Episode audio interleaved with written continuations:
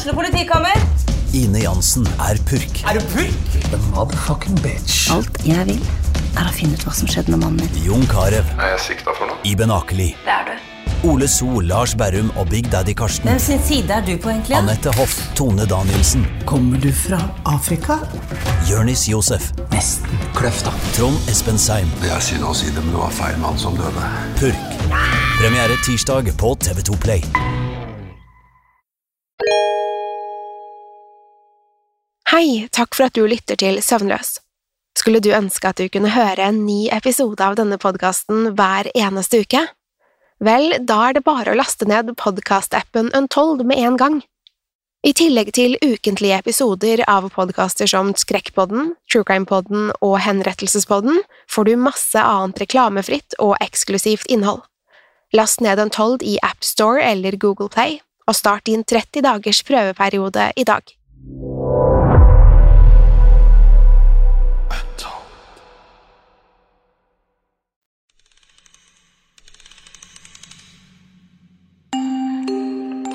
Om du har planer om å sove og drømme søtt i natt, er dette ikke podkasten for deg.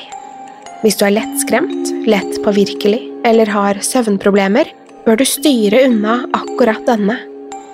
Om du likevel vil ta sjansen, eller er på utkikk etter en unnskyldning for å ikke sove, så har du kommet til rett sted.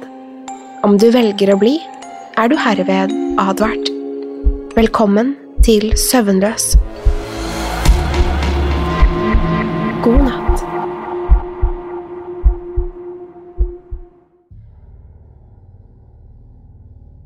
Jeg var nettopp kommet hjem etter en utmattende dag på skolen. Det var langt på kveld, og jeg hadde måttet bli på skolen til nærmere åtte fordi jeg hadde strøket på en viktig matteprøve. Læreren min hadde tilbudt meg ekstratimer, og foreldrene mine hadde takket ja på mine vegne. Selv ville jeg aldri gått med på et slikt opplegg om jeg kunne velge. Nå var jeg så trøtt at jeg holdt på å stupe. Foreldrene mine hadde reist utenlands på en liten ferietur, så jeg var helt alene i huset. Jeg holdt på å pusse tennene på badet mens jeg kikket på den gapende refleksjonen min i speilet. Det var et vakkert, rundt speil med inngraveringer i rammen som moren min hadde kjøpt for en tusenlapp på auksjon. På det tidspunktet hadde speilet hengt på veggen på badet i et par år. Jeg kunne huske at moren min fortalte meg om en gammel kinesisk overtro da jeg var liten. En måtte aldri sove med ansiktet mot speilet, ellers kom sjelen til å bli fanget i glasset for alltid. En del av meg hadde alltid tenkt at det bare var spøkelseshistorier og oppspinn. Likevel hadde jeg aldri fått meg til å henge et speil på mitt eget soverom. Mens jeg sto der og pusset, kom jeg på mammas advarsel, men tenkte ikke stort mer over det. Det var helt til jeg bøyde meg ned mot vasken for å spytte. Da jeg reiste meg igjen og kikket på speilbildet, fikk jeg se noe som skulle gi meg mareritt resten av livet. Det var ikke mitt eget ansikt jeg stirret på i refleksjonen, men et annet. Foran meg var ansiktet til en ung kvinne. Hun hadde store, hvite øyne og langt, svart hår som klistret seg til pannen og kinnene. Leppene hennes var rødere enn noen lepper jeg hadde sett tidligere, og fra munnviken dryppet det en stripe blod som farget den hvite kjolen hennes dypt burgunder. De hvite øynene hennes var på ingen måte ondskapsfulle eller farlige. Når sant skal sies, så de nærmest triste ut, bunnløst triste. Selv hvor redd jeg var, følte jeg en underlig trang til å strekke meg mot henne, stryke over det sammenfiltrede håret hennes og forsikre henne om at alt kom til å ordne seg. Det var som hun hypnotiserte meg og spikret bena mine til baderomsgulvet. Med ett flimret lys i taket, og plutselig ble det helt mørkt i rommet. Det så ut til å ha trukket meg ut av den lille transen, for jeg hoppet bakover i sjokk. Det var da jeg hørte den unge kvinnens stemme for første gang. Jeg kunne bare så vidt se henne i mørket, men jeg hørte hvert ord hun sa, og jeg visste at stemmen måtte komme fra henne. Den var spinkel og svak, og samtidig beundringsverdig bestemt. Jeg må ut herfra, ut av dette speilet. Hjelp meg, vær så snill. Skremt av den plutselige stemmen forsøkte jeg å rygge bakover og ut av rommet, men kroppen min var paralysert. Selv da jeg prøvde å skrike, kom det ikke en lyd ut av munnen min, som om jeg var blitt fratatt stemmen. Alt jeg kunne gjøre, var å stirre på kvinnen mens hun nærmet seg i refleksjonen. Nå var jeg i ferd med å besvime av frykt og panikk. Jeg prøvde enda hardere å røre på meg. Om jeg bare kunne snu meg, kunne jeg kanskje løpe mot døren, men det nyttet ikke. Kroppen min nektet å lystre. Hvem enn denne kvinnen var, så holdt hun meg fanget med en usynlig kraft. Hun kom stadig nærmere, og jeg var sikker på at hun skulle til å klatre ut av rammen og kvele meg til døde, men det skjedde ikke. Nok en gang åpnet hun munnen, og den hvesende stemmen hennes lød gjennom baderommet igjen. Sov med ansiktet mot dette speilet i natt. Gjør som jeg sier, og du vil bli spart. Så var hun plutselig borte. Kvinnen var ikke lenger å se i refleksjonen. Den eneste som stirret tilbake på meg, var meg selv. Jeg svettet som om jeg nettopp hadde løpt maraton, og på samme tid var jeg iskald over hele kroppen. Øynene mine var store som tallerkener, og jeg var likblek, men det var fremdeles meg. Bare meg. Jeg prøvde forsiktig å røre på armene mine, og lettet innså jeg at jeg hadde fått tilbake bevegeligheten. Bena, hodet og fingrene fulgte etter, og jeg danset nærmest av glede over å kunne røre meg igjen. Lettelsen skulle likevel snart bli erstattet av frykt, da jeg innså hva kvinnen i speilet hadde sagt til meg. Ikke snakk om at jeg hadde tenkt til å sove med ansiktet mot speilet. Jeg ville heller gått på skolen naken enn å gjøre som kvinnen hadde bedt meg om. Alt sammen måtte ha vært øynene mine som spilte meg et puss. Jeg var utslitt og trøtt etter en lang dag, og det var sikkert bare en hallusinasjon. Jeg kikket tilbake i speilet og kunne fremdeles bare se meg selv. Fullt overbevist om at alt bare hadde vært fantasi, pusset jeg tennene ferdig, skiftet til pysj og hoppet i seng. Neste morgen bråvåknet jeg av at noe ikke føltes riktig.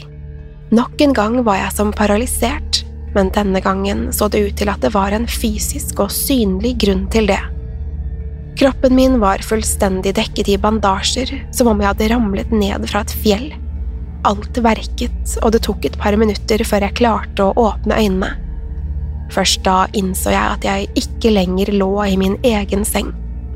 Rommet var sterkt opplyst, og mennesker i hvite uniformer fartet rundt i alle retninger.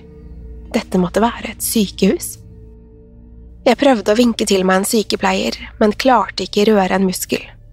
Akkurat da dukket en blid, middelaldrende kvinne opp ved siden av meg, også hun i sykepleieruniform.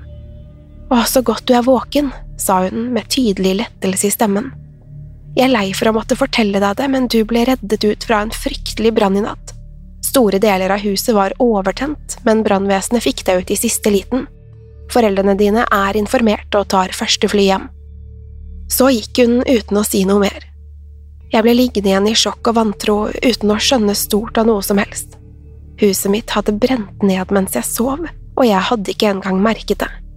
Nå var kroppen min forbrent og sår, men jeg var i live. Det var et mirakel.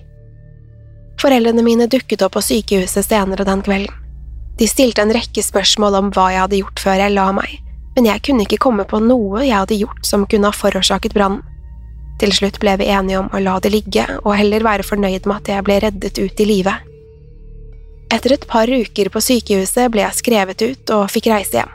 Det vil si, huset vårt var ubeboelig, så vi flyttet inn hos besteforeldrene mine, som bodde i nabobyen. Der fikk vi bo til vi hadde ordnet med alt av forsikringer og nytt huskjøp. Jeg ble sykemeldt en periode mens huden min leget seg, og jeg var glad for det. Da slapp jeg å tenke over mattetimene, som jeg definitivt ikke savnet. 16 dager etter brannen bestemte jeg meg for å oppsøke det gamle huset, om bare for å få sett det før det ble jevnet med jorden. Faren min kjørte meg dit på vei til jobb og ga meg penger til bussen hjem. Så kjørte han videre, og jeg sto alene med det nedbrente huset. Det var så godt som ingenting igjen. Alt som sto der, var rammeverket, og stanken av sot og aske lå fremdeles i luften. Jeg gikk forsiktig inn på tomten og tråkket over forbrente plankerester. Der jeg sto, ble jeg fylt med en inderlig tristhet. Det føltes som det hele var min feil, selv om jeg ikke kunne huske å ha gjort noe for å forårsake brannen. Plutselig stanset jeg opp og stirret rett fremfor meg. Jeg kunne ikke tro mine egne øyne, men der lå det. Blant nedbrente rester av familiehuset vårt lå speilet som en gang hadde hengt på badet. Det samme speilet som jeg hadde sett den mystiske kvinnens refleksjon i. Selv om resten av huset var svart av sot og fullstendig ødelagt av flammene, var speilet helt intakt. Det var ikke engang spor etter aske på glasset eller rammen. Moderne media. Har du et enkeltpersonforetak eller en liten bedrift? Da er du sikkert lei av å høre meg snakke om hvor enkelt det er med kvitteringer og bilag i fiken, så vi eh, gir oss her, vi. Fordi vi liker enkelt. Fiken superenkelt regnskap.